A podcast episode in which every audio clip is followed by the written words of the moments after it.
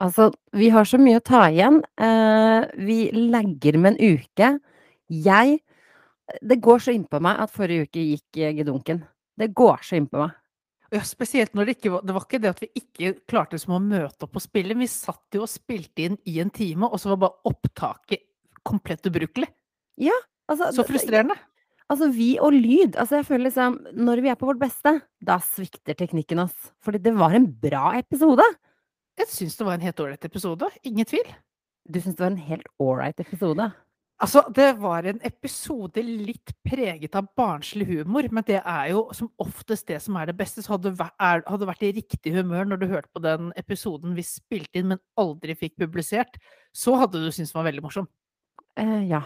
Uh, det, var, det, var, veldig gøy. Vi, skal, vi, må recappe litt, fordi ærlig talt, det kan ikke gå til spill det som, um, det som ble sagt, uten at jeg husker helt nøyaktig, men der skal du hjelpe meg. Uh, men før den tid, hva har skjedd denne uka her? Og, vi, og jeg har også feedback jeg må gi fra folk.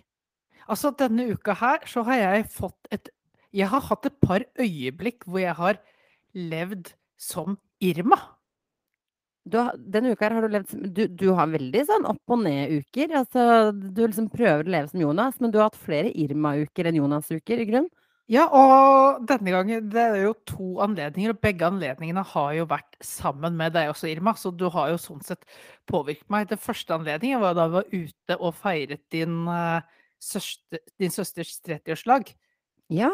Ja, stemmer det. Da, da fikk jeg prøve din fine dining. Mm. Hva syns du? Det er ikke et feil liv å leve.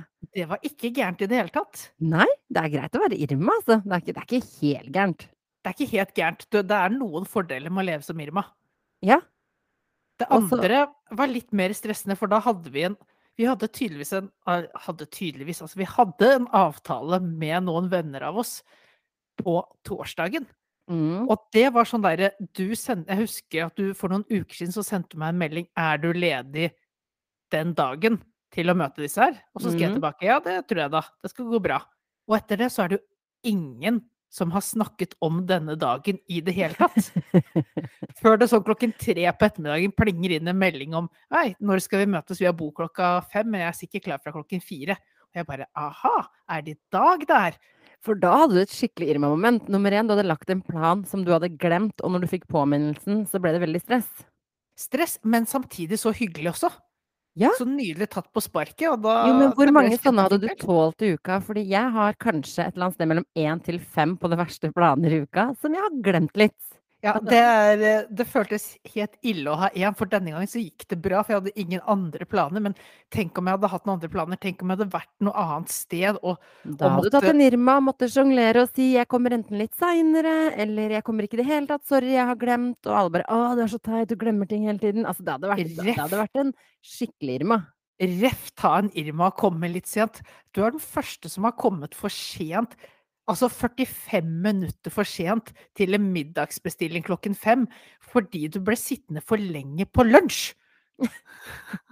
Ja, jeg må innrømme, den siste uka så har livet mitt vært Det har vært overdådig. Det har vært, det har vært, eh, det har vært mye wining and dining. Eh, og det, det, er sånn bra uke. Da har jeg en skikkelig bra uke. Eh, så, så, så ja, jeg kom for seint fra lunsj til middag. Det er ganske utrolig. Det, men det er sånn alle dagene mine skulle vært, tenker jeg. Det må være ambisjonen. Bare at alle måltider flyter i hverandre som en sånn evigvarende langt måltid fra du står opp til du legger deg. Ja, litt sånn det er, en, det er en restaurant med noe kaldt og godt i glasset som står og venter hele tiden, da. Det er liksom Jeg hører at det høres ut som en sånn trofékoneambisjon, egentlig. kanskje, kanskje, det er retninga jeg må gå? Kanskje det er retningen, bare at du, du vil heller falle inn i den livsstilen enn å ha en ambisjon om å være trofékone. Ja, nettopp. Ja. Det skal bare komme litt naturlig av seg selv. Og så syns jeg jeg klarer å leve ganske bra trofékoneliv uten å være trofékone, men liksom karrierekvinne. Jeg syns jeg klarer å kombinere ganske godt. God kombinasjon. Du, er, eh, du, får litt i pose og sekk her. Jeg gjør det. Nei, nei det, har en, det, har vært en, bra uke. Veldig bra uke. Og det, eh, det er ikke noe å lure på. Så, og det er veldig kult at du reflekterer over at du har vært meg, og, og at du anerkjenner at det kan være både fint, men også stressende. Ikke sant? Ja, ja jo. Det er egentlig konklusjonen full forståelse for at det er litt kaos i, i ditt liv. Ja. Det er det. Ja. Eh, og så, eh, apropos ingenting av det. Eh, vi har fått feedback. Eh, det var litt oppstandelser forrige uke fordi podden vår var ehm, ikke der. Det skjønner jeg jo. Eh, jeg var egentlig litt sjokkert selv at podden ikke var der. Ehm, vi hadde Ronny som syntes at det var ille nok at ikke det var Formel 1 den helgen. Men så skulle det ikke være podkast heller den helgen. Og det er skjønner jeg så godt. To slag i trynet på samme uke. Ja, nei, det, det er tungt, men jeg tror Ronny skal klare å reise seg fra det. Eh, vi fikk også en annen tilbakemelding hvor det ble etterspurt. Eh, så så det, er, det er noe godt Det er noe godt med liksom Det er noe fint som skjedde i det at det ikke var podkast. Vi, vi ble savnet, og det er, det, det er deilig. Det er litt koselig. Er ikke det litt som et godt forhold? At eh, man trenger litt avstand fra hverandre innimellom for å kjenne på at man har savnet hverandre? Ja, det er litt sånn, så det var, no, det var noe fint i Det var, litt, eh, det var noe flaks i uflaksen, for å kalle det det. Så, men nå er vi tilbake. Vi skal ta igjen det tapte. Eh, Jo, en tredje tilbakemelding apropos ta igjen det tapte. Vi har jo selvfølgelig så mye på agendaen at den podden her burde vært to timer denne uka her, men det skal den ikke være. Eh, en annen en annen tilbakemelding jeg fikk, var sånn Jeg hadde hørt mye oftere på dere hvis dere ikke hadde sånn én times episoder. Tenk om dere bare kunne hatt sånn kvarter, 20 minutter. Jeg bare Vet du hvor mye vi har på hjertet? Det er ingenting av det som kan komprimeres til 20 minutter. Så det- Kjenner vedkommende Har vedkommende noen gang hatt en samtale på under et kvarter med deg? Og skal Nei. jeg prøve å få inn et ord eller to også i lag her? Er det Ja. for en håpløs tilbakemelding? Ja, helt håpløs. Den ser vi bare helt bort ifra. eh, Men det er en tilbakemelding likeså, så det må bare sies, om ikke noe annet. Vedkommende kan, er hjertelig velkommen til å lytte på de første 15-20 minuttene, og så skru av, og så kan de lytte på de neste 15-20 minuttene neste dag. Det var det jeg Tenk også sa! ett. Det var det jeg også sa. Så det er noen som syns det er litt altså. langdragelig, denne podkasten, og det kan jeg ikke skjønne at de mener. Jeg syns vi er veldig to the point. Ja, og det er- uten noe fjas. Det, det, det er godt vi er eh, enige om å stryke den tilbakemeldingen. Ja. eh, og apropos podkasten, vi har jo en agenda i dag. Eh, vi skal jo snakke om mye av det som ikke dere fikk hørt forrige uke, for det er, det er bra ting. Eh, og så skal vi ikke minst eh, selvfølgelig recappe eh, Formel 1 eh, helt på slutten av episoden. Eh, der skal vi også eh, avsløre et par ting. Ja, det skal vi gjøre. Altså, litt Formel 1-nyheter. Litt sånn litt gøy nyheter. Og så tenkte jeg også, Irma, før den tid, at jeg skal fundere litt rundt påsken. Rett og slett for å holde oss relevante, og for at jeg igjen skal ta på meg dette samfunnskritiske blikket, hvor jeg ser på hva vi mennesker holder på med, og setter åpenbare spørsmålstegn med ting folk burde spurt om for lenge, lenge siden. Og det er veldig fint at, du, at påsken er tema, for jeg tror ingen i dette landet vet egentlig noen ting om påsken, annet enn at vi har fridager. Og nettopp, her skal, jeg, her skal jeg grave litt rundt, og så skal Ja, jeg ta litt tak i også mennesker, og på at noen områder må vi bare skjerpe oss. Ja, det må vi. Skal vi starte med en liten recap av forrige episode, fordi det er litt viktig. Er La oss viktig. gjøre det. Hjelp meg, hjelp meg på vei, Jonas. Hva snakket vi om? Jeg, jeg, vi, vi hadde egentlig en litt sånn shit start på episoden, og nå er det Det er alltid morsomt å skulle prøve å minne deg på ting, for jeg må se litt hvor langt ut jeg må kaste snøret før du biter på og husker eh, historien. Men eh, vi hadde jo vært på treningssenteret og liksom hastet inn i studio, og på den, det treningssenteret så hadde du hatt en liten garderobeflause. Ja, ja, Der kom du på det, Der, ja. Der I Greves tid. Ja, jeg trenger, jeg trenger bare liksom en, en, et godord, så er jeg der. Ja. Ja, det må jeg fortelle om. Og jeg syns, jo det var ille nok å måtte fortelle det én gang. Eh, nå må jeg stå i det en gang nummer to, men jeg gjør det. her, ja, for dette er, kjære lyttere, dette er noe så sjelden som at Irma presenterer en egenskap ved seg selv som hun ikke kan stå inne for. Ja, ja. Ja, det er, det er, det er sjokkerende. Det er, det er overskriften som Det er clickbaiten som får folk til å lytte. Selv om det kanskje godt nærmer seg et kvarter, og denne lytteren vår tenker at nå er det på tide å runde av. Hør litt til nå. Du må ikke legge lista så høyt, men ja, jeg må fortelle om det. For det, det var jækla spesielt, og det er avvik i min atferd først og fremst som står i fokus her. Vi var på treningssenteret. Jeg går inn i garderoben, eh, forter meg liksom litt, eh, og så idet jeg kommer inn og må, Hvis jeg glemmer noen detaljer, så må du hjelpe meg på vei. Jeg forter meg litt inn i garderoben, og idet jeg kommer inn, eh, så kjenner jeg en skikkelig bæsjelukt. Og jo mer jeg nærmer meg skapet mitt, så blir den bæsjelukta så jævlig intens. Altså, det blir Det, det er ordentlig bæsj i nesa, liksom. Um, sånn at du Hvis det er lov å si. Ja. det er sånn, du vet sånn når du kjenner at du ikke vil puste for du er redd for at du skal liksom spise det, hvis du skjønner? I gåstein. Skjønner du? For, for, for du spiser med nesa. Du Nei, altså, lukter med øynene. det det kommer du inn i snakket- Det kommer for- inn i systemet ditt, liksom, hvis det Ja, blir for du, sist så sa du at du nærmest lukker øynene, for du vil unngå at det Ja. siger inn gjennom øynene. Det var mitt neste poeng. Jo mer jeg nærmer meg skapet mitt, jo mer intenst blir det. Jo mer føler jeg at herregud, det føles som at jeg liksom det, Altså, jeg får bæsj inn i liksom kanaler. Eh, så jeg, jeg lukker øya og liksom myser omtrent min vei bort til skapet. Um, kommer til skapet mitt og fatter ikke hva som skjer, men så ser jeg at det er en kø rett ved siden av skapet mitt. Og de skal jo selvfølgelig inn på det som er doen. Skapet mitt er rett ved siden av do. Det er dårligere med innenfor eiendom og garderobeskap på Sats, så er det én, tre regler som gjelder, og det er location, location, location. Ja, men jeg har ikke tenkt på det. Jeg har ikke eh, sett denne doen. Jeg er kjempesensitiv på lukter. Og alt er all, all is good. Foreløpig så står disse menneskene i kø. Jeg ser at de også syns det er kanskje litt ubehagelig, men de, de håndterer det som sivile, oppegående mennesker ville gjort. Jeg har jo på dette tidspunktet så myser jeg. Jeg driver liksom Ja. Jeg kjenner at jeg, jeg ufrivillig lager grimaser mens jeg pakker tinga mine. Og så gjør jeg det kunststykket. Jeg, jeg er veldig sånn Jeg har lett for å brekke meg. Og nå driver dette her og bygger seg opp inni meg, denne ekle lukta. Eh, så jeg bøyer meg over sekken min med hodet nedover for å liksom plukke noe opp. Og da kommer brekkinga, ikke sant, for da er hodet opp ned. Og da står jeg der ved siden av doen ved plassen min og står og brekker meg foran alle disse menneskene i kø, og det er sånn ordentlig sånn hvor du prøver å holde igjen, for det er kjempeflaut å være så barnslig at litt bæsjelukt gjør at du står og brekker deg og er kjempebarnslig. Og jeg vet ikke hvordan jeg skal håndtere det her, så jeg bare forter meg mens jeg brekker meg, så hastepakker jeg, ikke sant.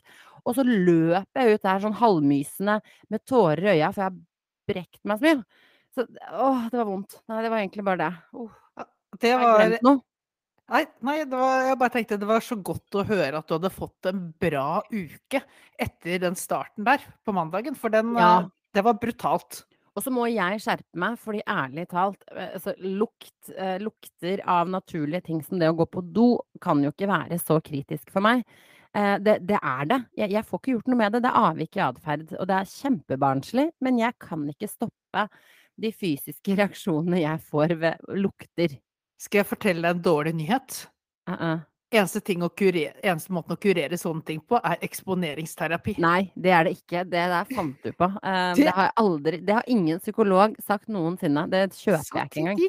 Hva skal jeg gjøre? Da skal jeg bade i bæsj, da? Nei, jeg tror bare det blir sånn en dag på kundetoalettet på Store Storsenter, for eksempel. Da tror jeg et døgn der så bør du være eksponert for det meste. Nei, nei, jeg orker ikke. Jeg unngår Og- det. Og, og skal du virkelig liksom ta det opp et nytt nivå, så tror jeg vi må smugle det inn på herretoalettet. Nei, nei takk. Nei takk. Jeg jobber med meg selv, men jeg har ingen garanti for at det blir bedre. Så, så Det- var på en måte den ene viktige historien som måtte ut i lyset. Det var den ene flausen, men så hadde du en annen flaus òg. Denne Oi. gangen var det du som hadde bæsjet på leggen, uh, tror jeg vi må si. Uh, Oi, for at du ja! gikk på et rimelig Et Ja. pinlig møte Åh, i en ja, butikk. åh, i det du sier det, grunnen til at jeg husker det, er fordi det fortsatt er veldig traumatiserende. Det sitter fortsatt veldig sånn, veldig i meg. Åh, Og jeg har sett også Jeg har, også, jeg har blitt presentert den historien da først på podkasten, og så ute i felles middag. Og jeg har sett også hvor mye din mann skammer seg over deg pga. denne historien. Så dette er blitt en slags sånn familieskam dere bærer på. Ja, ja, ja. Det er litt sånn dishonor your family-stemning. Jeg gjorde ah? Jeg har, Det her har jeg i hvert fall ikke lyst til å fortelle, for da må jeg innrømme igjen hvor pinlig det var. Men jeg skal være OK. Jeg går inn i en sminkebutikk. Det her er samme uka som bæsjehistorien, altså. Det er for mye å bære, bære for et menneske. Eh, jeg går inn i en butikk, eh, sminkebutikk. Jeg står og styrer sånn som jeg pleier å gjøre. Bak meg hører jeg en stemme som sier 'Trenger du hjelp, eller?' Og så eh, sier jeg, og snur jeg meg litt sånn raskt mens jeg prater. Og så ser jeg et fjes som jeg kjenner igjen, og så sier jeg ja, nei, gud, hei, sier jeg. Ikke sant? Oi, oi, hei, hei! Å, Som om det er en venninne som Ja, står der. Oi, så hyggelig å se deg. Et eller annet i den Men du, sier. du, men du har bare kjent igjen ansiktet? Du har ikke klart å plassere ansiktet på Jeg dette kan tidspunktet? aldri plassere ansikter, det er det som er hele problemet mitt, men jeg vet at dette ansiktet kjenner jeg. Så jeg liksom Hei! Å nei, gud, hei, så hyggelig! Og idet jeg sier det, akkurat i det sekundet, så ser jeg fortvilelsen på hennes ansikt, og jeg innser selv hva jeg har gjort. Jeg har akkurat lata som jeg kjente en person som jeg kun kjenner igjen fra Ex on the beach. Å, du har blitt en sånn stalker, Ja. fangirl. Oi, oi, oi. Nei, Ja, nei, nei. og hun sier Å gud, også om det ikke kunne bli verre. Jeg innser jo dette her mens jeg snakker og later som at jeg kjenner henne. Så sier hun nei, jeg tror egentlig ikke vi kjenner hverandre. Og da går jeg rett i sånn krise, Hun spiller ikke med, altså. Hun spiller Hun ikke med. spiller faens ikke med, ikke sant. Men, så, så jeg går i krisemaksimering. Jeg må redde det lille som kan reddes. Hvor jeg sier noe sånn som Jo, jo, jo, husker du ikke at vi var Og så jobber hjernen min på spreng, fordi det her klarer ikke jeg å stå i. Jeg klarer ikke å innrømme at jeg kjenner en fra Ex on the Beach. Jeg må få henne til å tvile på at vi egentlig kjenner hverandre. Så jeg sier noe sånt som Jo, husker du ikke vi møttes på en sånn Var det en fest? Kan det være Gullruten eller et eller annet sånn Jeg kaster ut name-dropper noen greier, ikke sant? Bare sånn det første som slo meg. Hun bare Nei, nei, jeg tror nok ikke det, altså. Og, jeg, og da skjønner jeg at slaget er tapt, så jeg går i sånn um, um, Ja, men vet du hva, shit, samme. Du vet man møter mye folk i bransjen. uh, og så går man videre, ikke sant.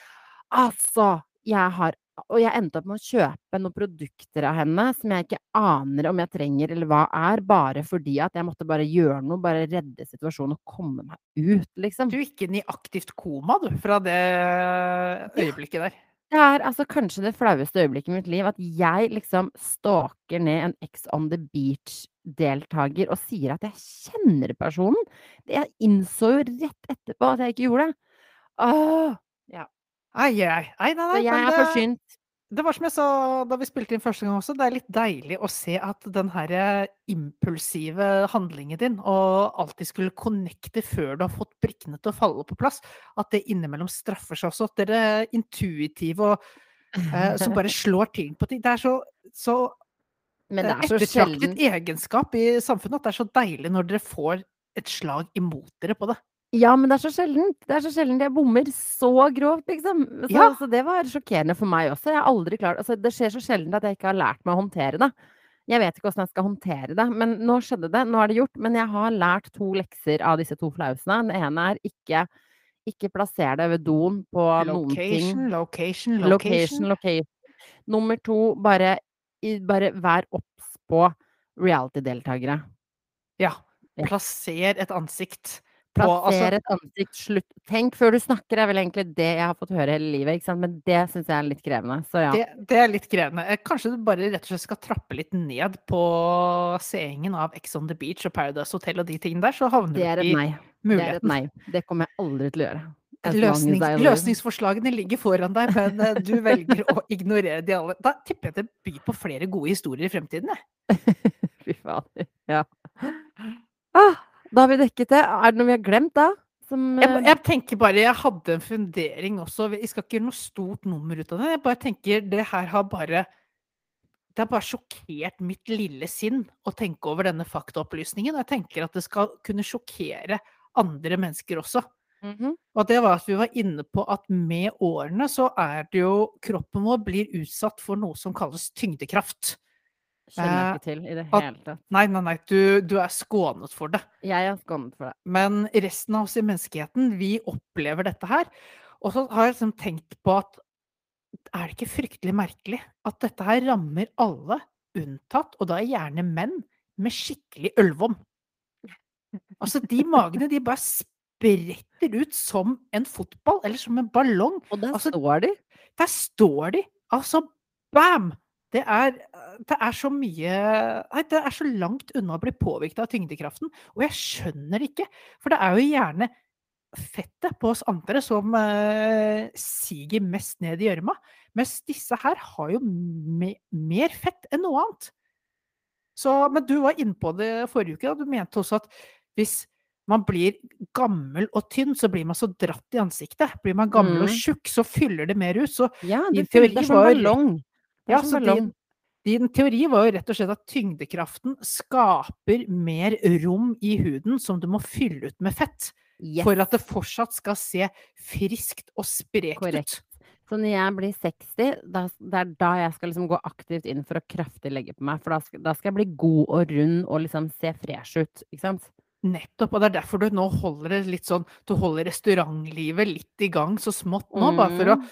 bygge en base og kunne jobbe deg ut ifra når du kommer opp i årene. Helt riktig. Veldig, veldig fornuftig. Bare det er bare noe alle andre kan tenke på. Hvorfor i alle dager henger ikke ølvommen? Hvorfor bare spang, som en ballong? Du er redd for å touche borti den, det kan sprekke. Eh, hvorfor i alle dager skjer det? Har noen svar på hvorfor? Hvis ikke du du skal har skrive svaret, til lommelegen? Så funder på hvorfor i alle dager. Det er et uh, I mitt, øy, mitt hode så er det et overnaturlig fenomen. Ølvommer. Jeg tror noe sier meg at du i hvert fall ikke skal måtte slite med det problemet selv, så jeg tenker det går greit, jeg.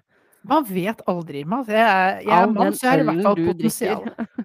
Ja, det, det er ikke det Hvis jeg noen gang får en ølvom, så er det nok ikke fylt med øl. Det, det er ikke en sånn tank. Uh, det er det nok ikke. Jeg skal, hvis jeg skal bli feit, så skal det bli på livets goder, ikke på øl.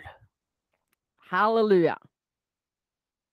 Så, men da tror, jeg, da tror jeg vi er begynner å nærme oss Vi har. Mye. Ja. i sånn kortform det dere gikk glipp av forrige episode. Ja, riktig. Så, så nå har dere, nå kan, har dere ikke mista på noen ting, men nå er vi tilbake til denne episoden. Eh, har vi dekket alt som har skjedd på jorda? Jeg synes det, det er én ting vi må dekke denne uka, det er den store, store saken. Og det er at jeg vil ikke si at metoo har nådd Senterpartiet, men det har i hvert fall boblet opp til overflaten hos Senterpartiet nå som vi har klokket inn i 2022. Og det var jo bare noen år på etterskudd. Eh, det har vel vært der. Det er det som er så, det som er så rart med disse her som blir avslørt mange år etterpå. Sånn som dette er Hva heter han? En, en Odd Roger Enoksen. Takk. Eh, det er kjempegod på navn også, for øvrig.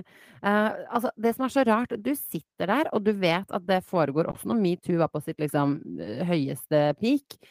Og du vet at du har skjeletter i skapet, og så bare tror du at det ikke blir avslørt. Altså om det tar ett år, eller fem år, eller ti år, eller i tilfelle her så tok det jo veldig mange år.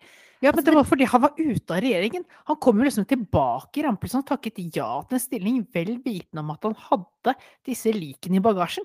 Det er jo det er helt Hvorfor tror de at det ikke blir avslørt? Hva er det som får dem til å tro at liksom Jeg er unntatt dette her? Jeg skjønner det ikke. Men det er så utrolig blir du tatt. I Senterpartiet òg, for det var jo først så var det en som hadde meldt inn om noen upassende opplevelser, med han annet tittende inn i garderoben Er det sant? da hun kom ut av dusjen. Ja, dette her var jo først, det var første saken som kom, og det var da meldt inn til partiet, men i og med at Enoksen var ute av toppolitikken da, så ønsket de ikke å levere inn et formell sak, men fortalte folk det med, for en advarsel. Eh, og det holder tydeligvis ikke Senterpartiet. Du må, enten må du veldig formelt sende inn eh, en sak, eller så er det ingenting som skjer. Eh, så Altså- dette var jo det første, og den andre saken som han virkelig bare falt under, var jo den her 18-åringen som han over lengre tid hadde en relasjon til. Det er bare sånn, når du Det er leser det, er bare så ekkelt. Altså sånn 50-årig mann som Og hva var det de kalte det? At han var en seksuell mentor for henne. Ja, og det så jeg at han til og med liksom innrømte at han Ja. var Ja, jeg var en seksuell mentor. Og så blir jeg sånn Hva betyr det? Hva er en seksuell mentor? Altså, Det var i- i hans min, måte I min tid så hadde man det man kalte, hva heter det på skolen, sånne helsesøstre som viste deg og fortalte deg ting om sex. Eh, man hadde ikke mann 50 som fortalte eller viste deg noen ting seksuelt. Altså, hvor creepy er han ikke da? Og det, det er et sånt tegn på at han har Han har jo helt bevisst misbrukt en som er yngre enn seg selv. Ja, ja, han har, jo, han har jo rett og slett pushet en på 18 år til stadig mer og mer eh, av en seksuell karakter. Mer og mer vekk fra hennes grenser, over mot hans grenser. Og for å få en kunne liksom forsvare det for seg selv og sette et fint begrep på det, så har man kalt det seksuell mentor. Det er bare ah, Fytterakkeren. Idiotisk sak. Så godt å få han ut, da. Et uh, skjelett til ristet ut av skapet, men uh, Og det er At fascinerende ikke- at, du, at du drar opp den historien, for jeg leste en sånn, eh, jeg tror det var VG pluss-artikkel, om psykologer og psykiatere um, som, som da har på en måte misbrukt sårbare pasienter i Norge. Ja. Eh, og så noen av de har jo mista lisens fordi det er blitt klaget inn og sånne ting, mens de aller fleste får tilbake lisensen til å praktisere igjen på akkurat samme vis innenfor veldig kort tid. Eh, og den ene saken var så hårreisende, hvor denne pasienten endte opp med å ta livet sitt til slutt. Ikke sant? Altså det var sånn, Du tar folk som er de mest sårbare, som kommer til deg for hjelp, og så misbruker du dem. Det, det, altså, altså øh. Det er det som er liksom det, noe av det verste som fins i hele samfunnet, når man tar og utnytter sårbarhet hos andre. Eh, og ser Og på det som det en som personlig vinning. Ja, og hvem er det som gir disse menneskene autorisasjon tilbake? Nei, det er Altså, alle, altså ikke bare autorisasjonen, altså de burde mista autorisasjonen, og så burde de selvfølgelig fått eh, Altså de burde blitt straffedømt. Altså sånn du, du det har jo begått, begått uh, kriminalitet, liksom.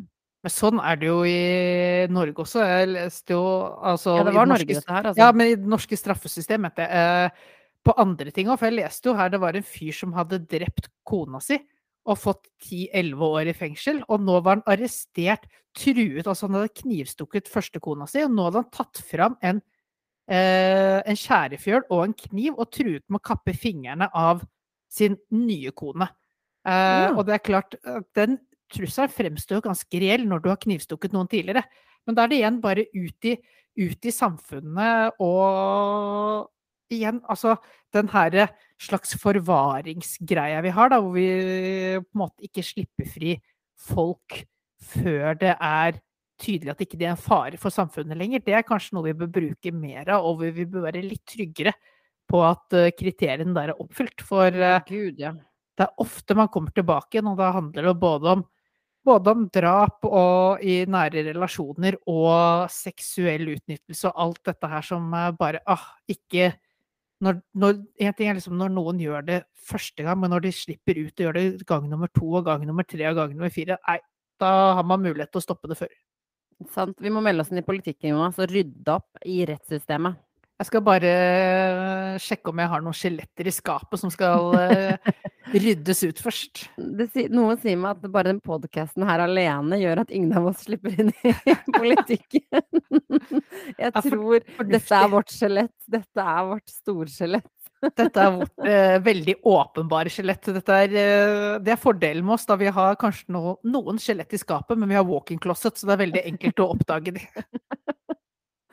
Å nei, nei, det er nok grusomheter i verden, og det er mye mer. Men vi, vi holder litt sånn lystig tone for i, i denne ukens podkast, fordi vi kan ikke ta inn over oss alt møkk som skjer i verden, egentlig.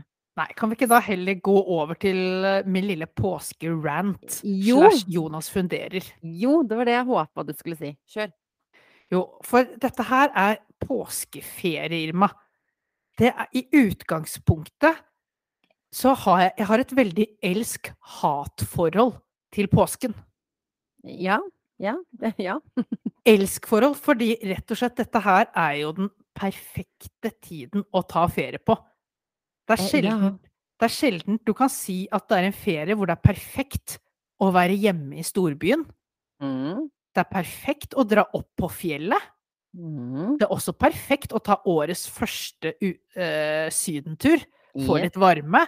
Og det er perfekt å reise på storbyferie uten å Altså, alle mulige ferieformer er perfekt på dette, det tidspunktet. Mhm. Det er helt ideell tidspunkt å ta ferie på. Ja. Så det er elsken. Det er elsken. Og så er bare Vi mennesker er så jævla dumme. Altså, nå har, vi årets ja, nå har- konklusjon. nå har vi et godt opplegg gående, og vi er sånn her OK, ingen sier noe. Ingen Altså, ingen ødelegger dette opplegget vi har gående, og det er jeg enig i. Men jeg mener vi kunne hatt dette som en vårferie. Altså, vi har sommerferie, vi har vinterferie, vi har høstferie. Vi kunne fint hatt en vårferie Nei, vi kan ikke det. Fordi jeg og Vi må ha røde dager. Vi har Jo, ikke røde dager i høstferie og vinterferie. Vi kan gjøre dette til røde dager. Vi kan gjøre at vårferien Det som skiller vårferien fra alle andre, er at den er obligatorisk røde dager. Men nei da, for å sikre oss dette, for at ikke dette skal bli et politisk spill og vi risikerer å miste, så går vi altså med på å kjøpe oss inn på den mest heseblesende delen av kristendommen noensinne. Altså, er noe altså hvis vi han først- ble drept, sto opp fra de døde etter tre dager, reiste etter hvert til himmel opp til himmelen. Yes, da får vi Kristi himmelfartsdag. Nydelig. Og så åpenbarte Den hellige ånd seg. Woho! Da får vi pinsen også. Og dette her, det som er så sjukt, er. Ingen som, vet, ingen som vet at det er bakhistorien til hvorfor vi har noen av disse dagene, bortsett fra deg, da. Vi, altså, ingen, vet- som vet, ingen som vet om Jesus kom eller gikk i påsken. Vi vet ikke noen noen Det er ting. nettopp det. Det at han døde og sto opp fra de døde etter tre dager, det vet jo alle. Det er sånn, Nei, vi voksne mennesker her sitter, og så går vi du, må, du kan ikke si at du ikke visste at påsken Jonas, handlet om jeg- Jesus død og stå opp fra Nei. de døde. For meg så har påske vært eh, Kvikk Lunsj og appelsin. Aldri har jeg investert så mye som et minutt av mitt liv for å prøve å finne ut hva som ligger bakomliggende de røde dagene. Aldri Altså. har jeg gjort det. Det samme gjelder jul. Jeg vet ikke hvorfor vi feirer jul, jeg vet bare at det er røde dager som hvis vi er heldige på et år, så faller det på midt i uka. Nydelig. Det håndterer jeg veldig fint. Og det, altså, det er jo det mest blondineøyeblikket du har hatt noensinne i ditt liv. Nei, jeg jeg tipper Men, lytterne heller ikke. Jeg vil gjerne høre fra lytterne, ærlig talt. Hvor mange av dere vet nøyaktig hvorfor vi har påske, hvorfor vi har jul? Altså, hvor mange av dere sitter med bibelhistorien som liksom kan forklare disse røde dagene våre? Rekk opp hånda og gi oss tilbakemelding. Jeg tror vi er ganske godt 50-50, Jonas, både jeg og du. Jeg tror det er i hvert fall 50% som ikke aner hvorfor vi står i dette her. nei, det tror Jeg håper du har rett, men jeg tror, og for så vidt håper på en annen måte også, at du har helt feil. Kan ikke du legge ut en spørreundersøkelse når du legger ut på Instagram, da, når du legger ut uh, reklame for denne Jo, det skal jeg gjøre. Jeg skal Så får vi svar ut eh, neste gang. Ja, jeg skal legge ut For, for dette er jo litt av poenget mitt. Altså, vi sitter jo og bare hører den mest sinnssyke delen av kristendommen. Og så sier vi, vet du hva, vi har en god ting gående. Vi aksepterer at vi Nei, det vi forteller sier våre. vi barna våre på fjellet og koser oss, sier vi. Ja, ja men, så, så sier vi Da aksepterer vi at skolen går bort og lærer barna vårt, våre dette her. At de tar historiefortelling og kamuflerer det som fakta. Det sitter vi voksne mennesker med mye bedre viten og godtar, fordi da får vi noen dager fri sittende oppe på Ja, det kan jeg godta. Jeg kan godta at eh, med det alt det, med alt det vonde religion har med seg, så kan vi i hvert fall få noen røde dager som vi ikke bryr oss om hva som ligger bakom. Det kan jeg stå i. Om, om han levde, døde, ble drept, hang på korset, det spiller så lite rolle. Det har men det- ingenting å si for min hverdag i 2022, røde dager, fridag. Men hør her, Irma, for jeg begynte å lure på hvorfor i alle dager er påsken gul? For det har ingenting med kristendommen å gjøre. Og det Ja, er på grunn av gul? at, ja, det er på grunn av at før man fikk liksom denne, at påsken ble en kristen feiring, så feiret man også på dette tidspunktet, men da feiret man at solen kom opp igjen. Og for så merga, merga liksom astrologi nærmest, og, og, og kristendom. Nettopp. Og derfor så må jeg også eh, ta med meg neste punkt. Og det er mat, maten vi spiser. Lam. Ja, ja, lam og dette er fint, men hvorfor i alle dager skal vi spise alt som er gult? Men hva da gult? Vi spiser Vet ikke ting som er gult. vet du hvor mye appelsiner nordmenn spiser i løpet av påsken? Ja, det vet jeg faktisk, fordi her om dagen så hadde jeg samme quiz eh, på jobben, eh, og så husker jeg jo selvfølgelig ikke svaret på det nå, men det var sånn 800 tonn eller noe sånt, sånn 200 tonn eller 50 tonn, det var sånn absurd. 20 millioner appelsiner. Og så Ja. legger du på 20 millioner klementiner. Altså, Kan du appelsin ikke og la folk klementin gjøre det, da? Appelsin og klementin er godt. Det er fint i et variert kosthold. Skal du være sint på lenger. Men må du spise fire, fem, seks ganger naturlig mengden bare på grunn av at den har en farge som ligner på gul? Den er ikke gul engang! Det ligner på gul, Irma! Men tror du ikke Jeg har en teori. Jeg har en teori. Tror du ikke det er liksom mor natur som har innført denne tradisjonen på et vis? Fordi nå nærmer vi oss mye mer sol og sånn. Og hva trenger vi i kroppen når det er sol for å beskytte oss mot frie radikaler? Vi trenger C-vitaminer. Tror du ikke det hele henger sammen som en konspirasjonsteori? Tror du ikke norske stat har innført appelsin som en del av påsken? Vi Som en ikke overgang til at nå kommer soltid. Og dere trenger C-vitamin. Vi trenger jo ikke C-vitamin. For sola, vi trenger jo C-vitamin på vinteren. For forkjølelse. Ok, men nå, ikke sant, hvor mange ganger har jeg sagt det her? ødelegg ikke, ikke ødelegg mine gode argumenter med fakta. Det er veldig Nei. kjedelig. Veldig kjedelig. Og en annen ting også, marsipan, Irma. Å, det er godt. Elsker marsipan. Så hvorfor i alle dager har vi bare funnet ut at nei, marsipan, det skal vi spise til jul og påske. Så skal vi dytte sure føtter fra smågodtskålen på lørdager, når vi kunne spist marsipan på de lørdagene. Hva er det vi tenker på? Hvorfor hvorfor har vi kommet til den verden vi er i dag, la Begrense godet av marsipan til påsken? Nå må du la noen tradisjoner få lov å henge i lufta uten mål og mening, bare fordi det er hyggelig.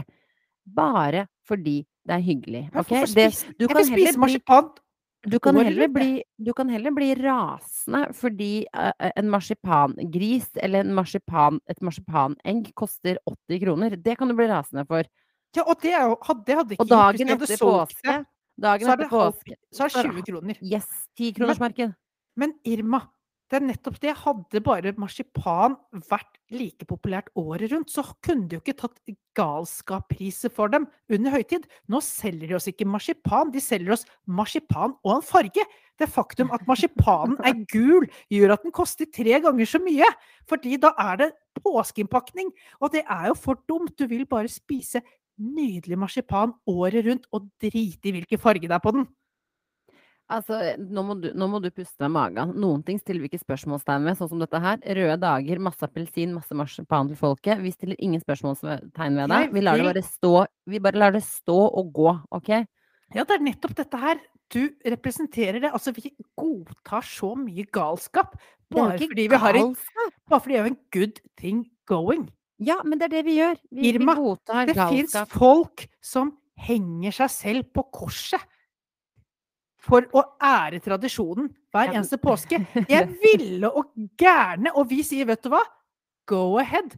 Vi kjøper denne historien. Vi tror på dette også. Det gjør vi egentlig ikke det, for vi skal drikke Solo, spise appelsin, knaske litt på en Kvikk Lunsj Vi under kan ikke dager i påsken. vi kan Nei. ikke ta ansvar for folk som henger seg selv på korset i påsken. Det kan ikke vi ta ansvar for. Vi, Vi må ta ansvar så lenge vi kjøper oss inn på historien og vi sier vet du hva, vi kan leve med at dette er fakta så lenge vi får Vi Ja, kjøper ikke historien, vi kjøper ja, røde vi dagene. gjør det! Hvis det Nei. er påske, kall det vårferie. Obligatorisk vårferie. For jeg skjønner at vi er drittlei kollegaer og hverdagens stress og mas. Det er helt perfekt tidspunkt å ha ferie på. Jeg krangler ikke på det. Jeg krangler ikke på det, om det skal være obligatorisk eller ikke. Jeg bare få påskedelen vekk, og så feirer vi vårferie. Solferie! Kall det hva du vil. Ok, nå, nå pirker du borti ting som, eh, som er livsfarlig å pirke borti. Det er tradisjonene våre. La de ligge. La de Jeg vet, jeg, jeg kommer til å bli tatt og kidnappet bort til påsken er over, og bedt om aldri, aldri mer å ytre meg om dette temaet igjen. Ja, det, det kan jeg fort gjøre. Men uh, av, de, av den 50% av befolkningen du mener at vet hva påsken kommer fra, de kommer til å henge meg på korset. Dere andre kommer til å gå rundt og bare Hvorfor er Jonas og dingler det på det der korset? Jæklig merkelig. Jeg er sykt spent på hvem som faktisk vet bakgrunnshistorien. Det eneste jeg er redd for, at hvis jeg legger ut en sånn eh, Vet du egentlig hvorfor vi feirer påske? Så tror jeg, kjenner jeg min Instagram rett, da, og kjenner jeg egentlig alle sin Instagram rett, så er jo det stedet hvor alle skryter på seg ting de ikke bør skryte på seg. Så jeg er litt redd for at de fleste kommer til å trykke ja, bare fordi det ser dumt ut å si nei. Kan Men du kjære lyttere, de vi vet ikke sånn- hvorfor vi feirer påske. Kan du ikke legge ut sånn åpent spørsmål? Hvorfor feirer vi påske? Og så kan de som kan, svare inn der. Da er kommer ingen til å svare. Nei, da kommer ingen til å svare. Da hopper de heller over. Så jeg må ha et ja-nei-spørsmål, og så må folk ikke ljuge. Stå i det sammen med meg. Vi vet ikke hvorfor vi feirer påske, og vi bryr oss bengen i hvorfor vi feirer påske, så lenge vi får røde dager.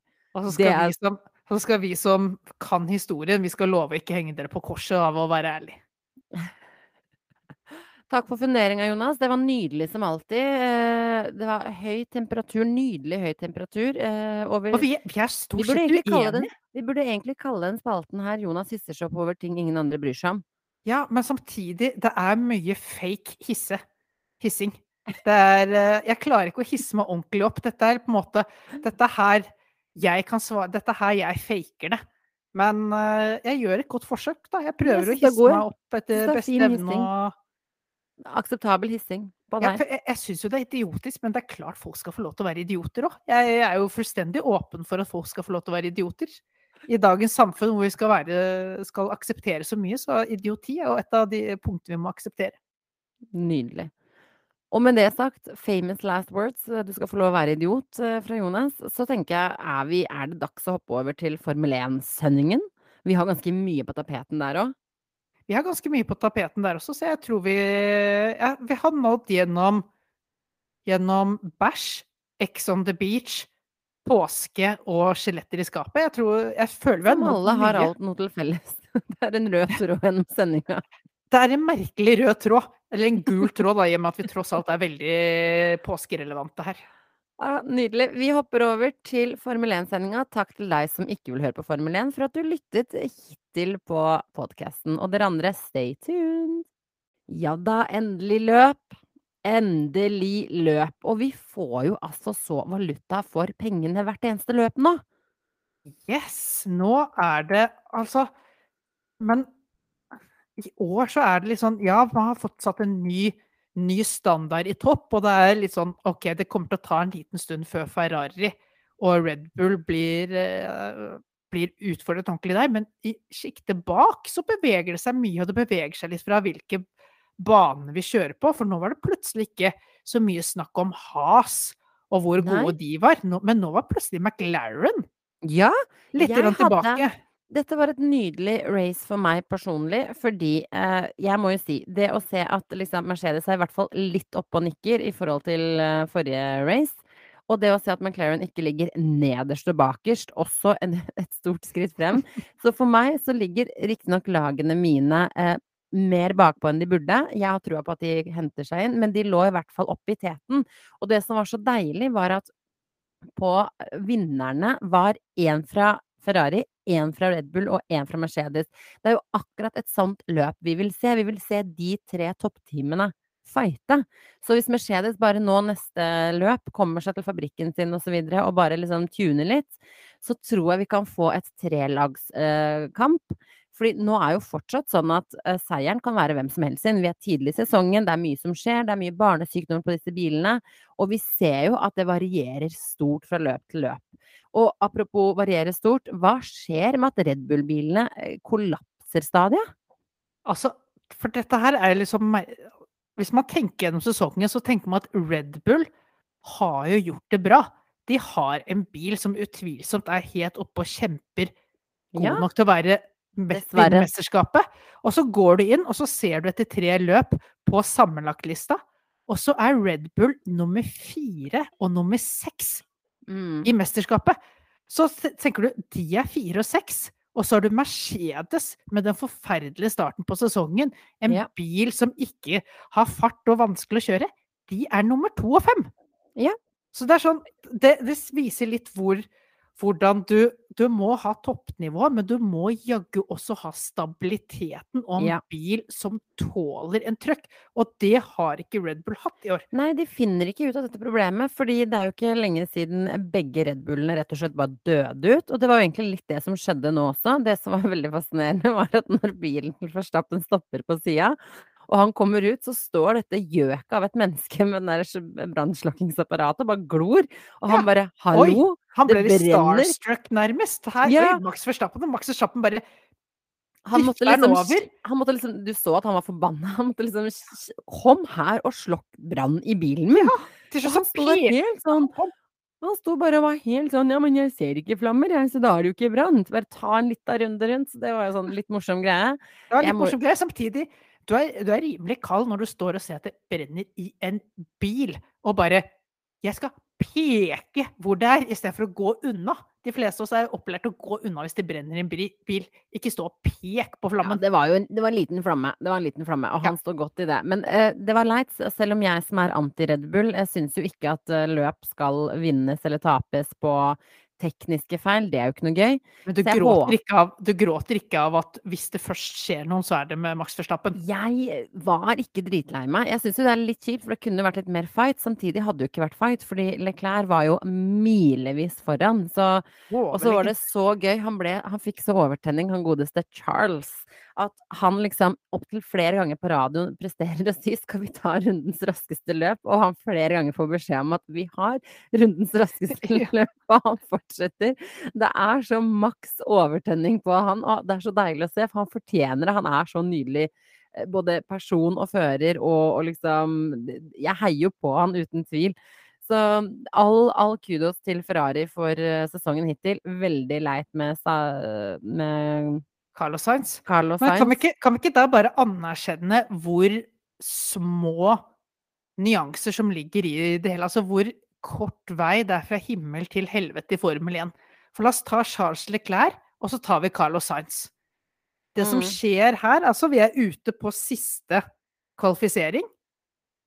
Disse to Ferrari-bilene kjører etter hverandre. Vi snakker vel tre-fire sekunders forskjell i hvor de ligger på banen.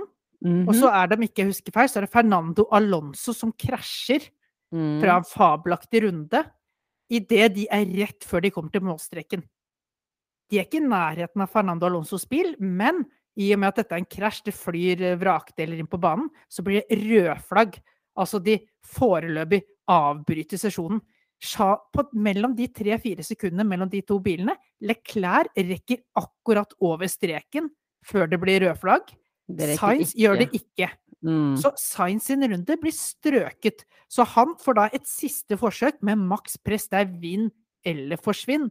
Mens Mm. Leclerc får muligheten til å forbedre seg på en allerede god nok tid som sikrer en første eller kanskje dårligst andreplass på griden. Yes. Sainz gjør en tabbe, eh, ryker på andre runde nå, eller om det er noen tekniske problemer der.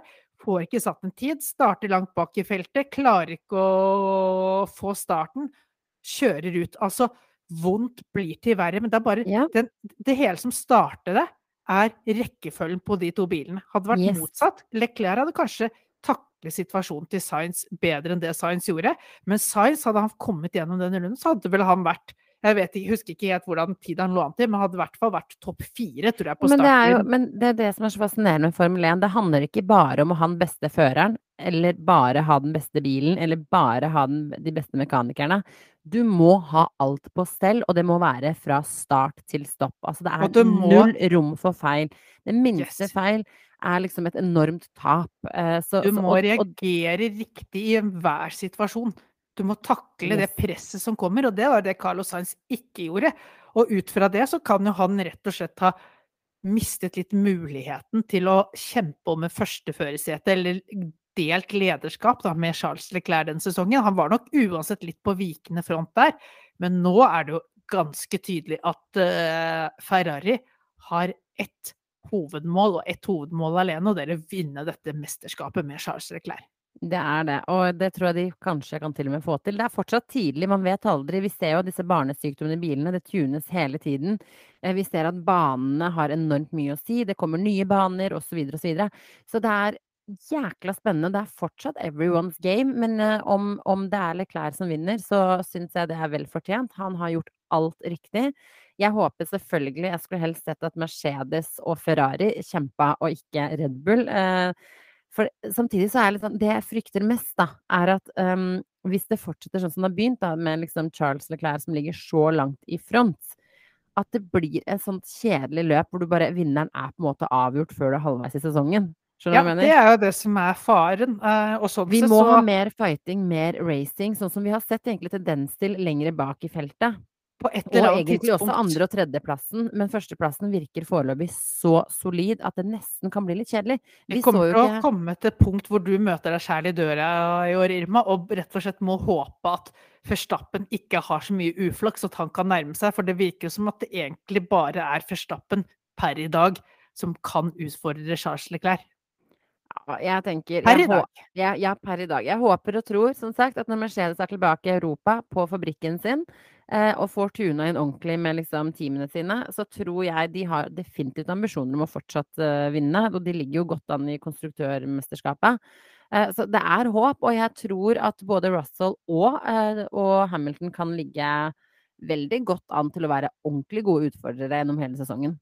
Absolutt. Og så tenker jeg vi kan kanskje avslutte praten om denne runden her med at vi bare liksom eh, kan være ålreit fornøyd med at vi ikke er kanadiske.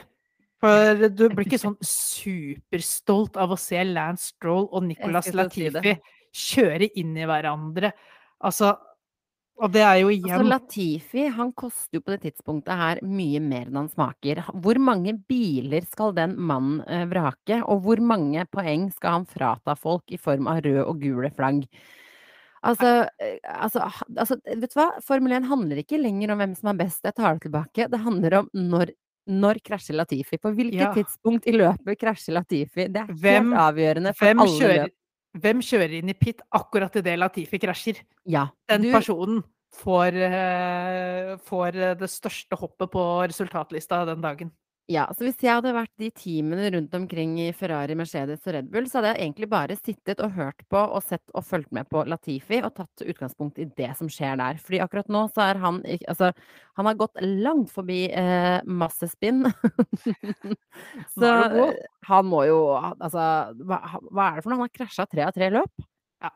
Det, det, det går jo ikke an. De har jo ikke Altså, Williams eh, Nei, Williams, ja, de har jo ikke råd til å Williams. jo, det er Williams, ja, selvfølgelig.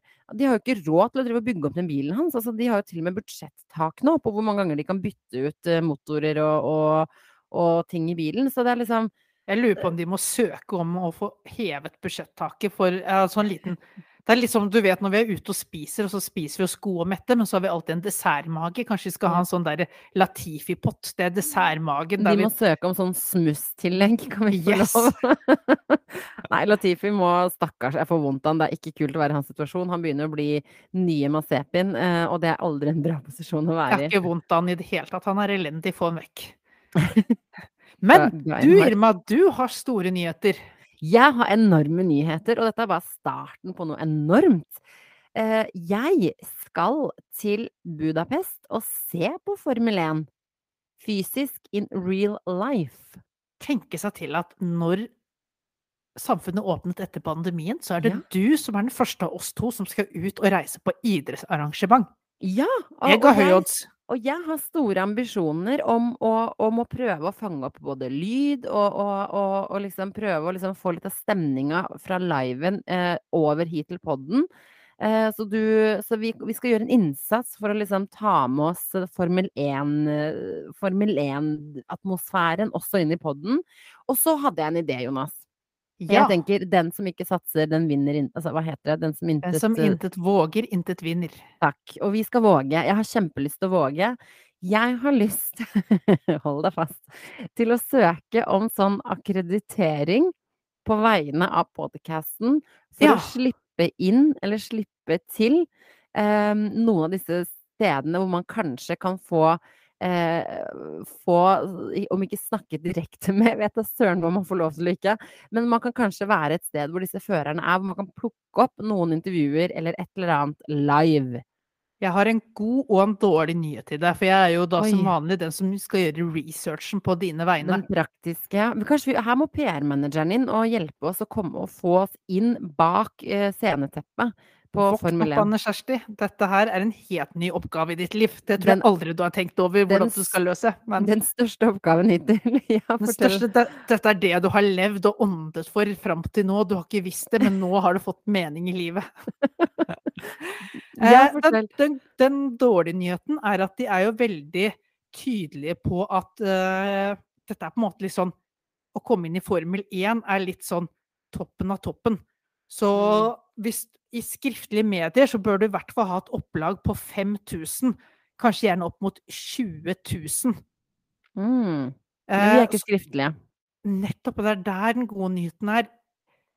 Formel 1, eller FIA, da, eh, dette motorsportforbundet, de henger ikke helt med i den teknologiske utviklingen. No Så de- Så det de har satt opp av regler, det er for skrivende presse, fotografer, og så har de hørt om en sånn her nyvunnen spennende ting kalt internett. Som de også Altså internettsider har de også satt opp regler for. Men de har ikke da ty like tydelige regler for podkast. Så kanskje vi kan bruke smutthullet? Ja, vi er alt, altfor små. Altså, vi er så bitte små at vi de, En sånn liten fis i havet de ikke bryr seg om i det hele Men tatt. kan vi Men- smøre på, eller et eller annet liksom, altså Kommer de til å kunne sjekke opp liksom våre lyttertall? Må vi, må vi liksom Oppgi det? Må vi Kanskje. oppgi det? Eh, Og hvis vi gjør det, er det ok å ljuge, liksom? Altså man blir ikke fengsla for det, gjør man det?